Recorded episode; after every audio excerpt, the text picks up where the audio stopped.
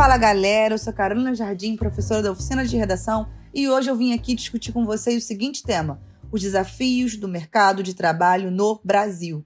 E uma contextualização que você pode trazer é falar da primeira revolução industrial, como que ela substituiu a mão de obra pela mecanização de processos, e isso gerou um desafio para os trabalhadores entrarem no mercado de trabalho, já que agora a gente precisava de maior qualificação para desenvolver esses processos, já que a mão de obra direta foi substituída por máquinas. Só que hoje a gente vive não simplesmente a primeira revolução industrial, a gente já chegou na indústria 4.0 ou quarta revolução industrial, que trouxe a digitalização das informações e a utilização dos dados para tornar a indústria mais eficiente, ou seja, vivemos hoje a substituição da mão de obra pela inteligência artificial. Então, reparem que a gente, a cada momento, a cada ano que passa, a cada década, a cada desenvolvimento, a gente tem novos desafios no mercado de trabalho.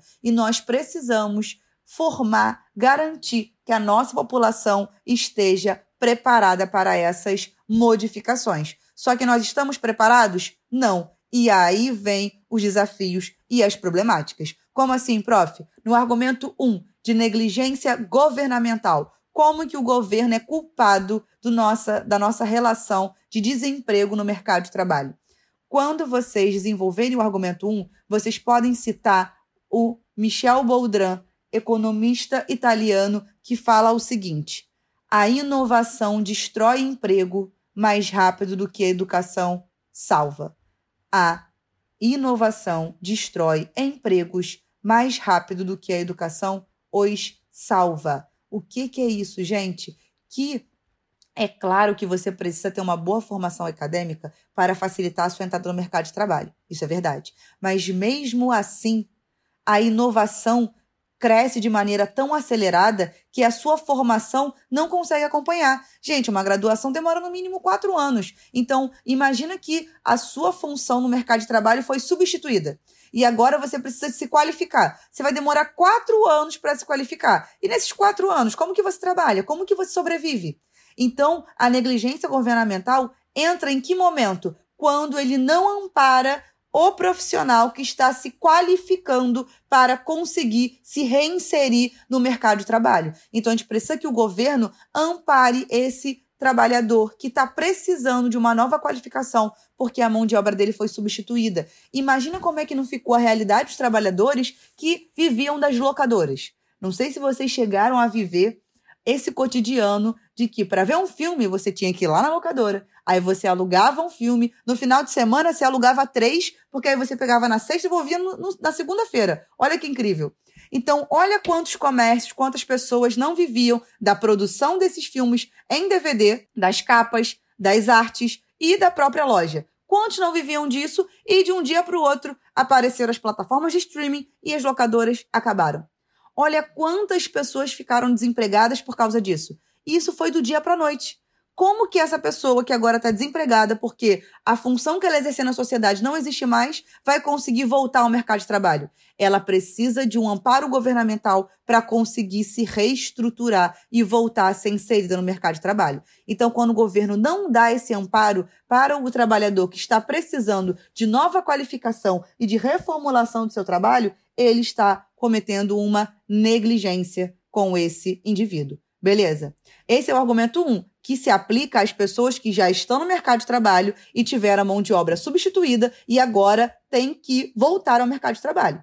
O nosso argumento 2 fala sobre a formação educacional daqueles que ainda não entraram no mercado de trabalho. Vocês, por exemplo, que estão aqui estudando para tentar fazer uma graduação e depois entrar no mercado de trabalho além do governo precisar solucionar o problema daquele que já estava no mercado de trabalho e teve a sua mão de obra substituída, ele precisa, de maneira preventiva, formar pessoas que já estejam adequadas para esse mercado de trabalho. Só que nós temos isso acontecendo? Não. A nossa formação educacional é desatualizada, porque ela ainda forma pessoas que podem ser substituídas pela indústria 4.0, que podem ser substituídas pela mão de obra, perdão, que a mão de obra pode ser substituída pela inteligência artificial. Então, o que, que a escola devia estar tá ensinando? Devia estar tá ensinando as chamadas soft skills. O que, que é isso?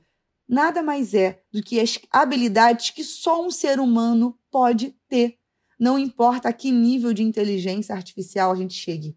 Nunca uma inteligência artificial vai ser capaz, por exemplo, de produzir empatia, alteridade, resolução de conflitos complexos, criatividade. São características necessariamente humanas. Então, o que, que a escola devia ensinar?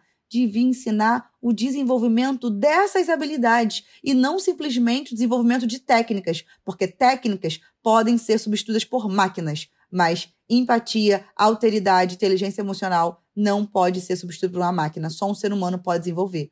Então a gente tem que lembrar que a gente saiu do Fordismo para o volvismo. O que, que, é isso? No volvismo, há um grande investimento no trabalhador em treinamentos e aperfeiçoamento, no sentido que se consiga produzir por completo um veículo em todas as etapas, além de valorizar a criatividade, o trabalho coletivo e a preocupação da empresa com o bem-estar do funcionário, bem como sua saúde física e mental. Então, em vez de vivenciarmos hoje no mercado de trabalho a mentalidade fordista da alta produção quantificativa, nós temos agora uma produção volvista, ou seja, qualitativa, do volvismo, que valoriza a produção de soft skills como que eu tenho que valorizar uma formação de um indivíduo que seja capaz de produzir tudo aquilo que uma máquina não pode produzir. Então, reparem que a nossa formação educacional desatualizada faz com que o adolescente entre numa graduação e seja formado para algo que ele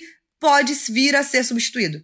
Então, a gente precisa valorizar a formação educacional através das soft skills. Porque também não adianta você ter uma ótima qualificação, graduação, pós-graduação, se você não sabe lidar com pessoas, se você não sabe lidar com conflitos, se você tem problemas de para gerir o seu próprio tempo, de administrar processos. Tudo isso é importante. Se você não consegue, através do seu conhecimento técnico, trazido da graduação, ser criativo. Então, isso precisa ser desenvolvido na escola para que você possa ter autonomia para desenvolver isso depois no seu trabalho, através do seu conhecimento adquirido na graduação. Beleza? Esse é o nosso argumento 2. Formação educacional desatualizada. E quais seriam as intervenções?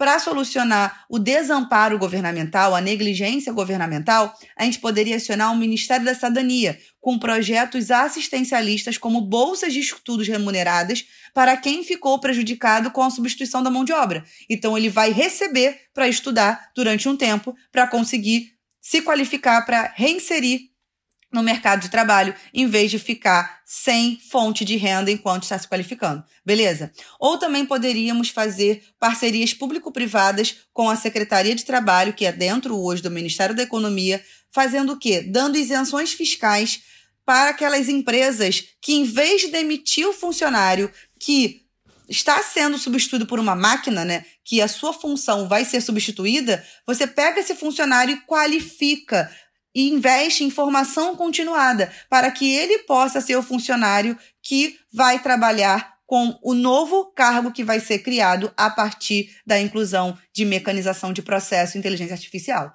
Beleza? Então a gente tem aí também uma outra possibilidade de intervenção. Para solucionar o problema da formação educacional desatualizada, a gente pode citar que o MEC precisa utilizar a reforma do ensino médio para trazer a valorização de um ensino que estimule a criatividade e a inteligência emocional. Vamos aproveitar essa prerrogativa de que o ensino médio está sendo reformado para poder trazer as soft skills para o currículo escolar. Beleza? Então, esses são os desafios do mercado de trabalho no Brasil. Então, saiba que além de passar no vestibular, e é por isso que você está estudando redação, você precisa desenvolver habilidades que façam você diferente de uma inteligência artificial. Então, desenvolva sua inteligência emocional, sua criatividade e sua empatia. Beijo e até o próximo podcast.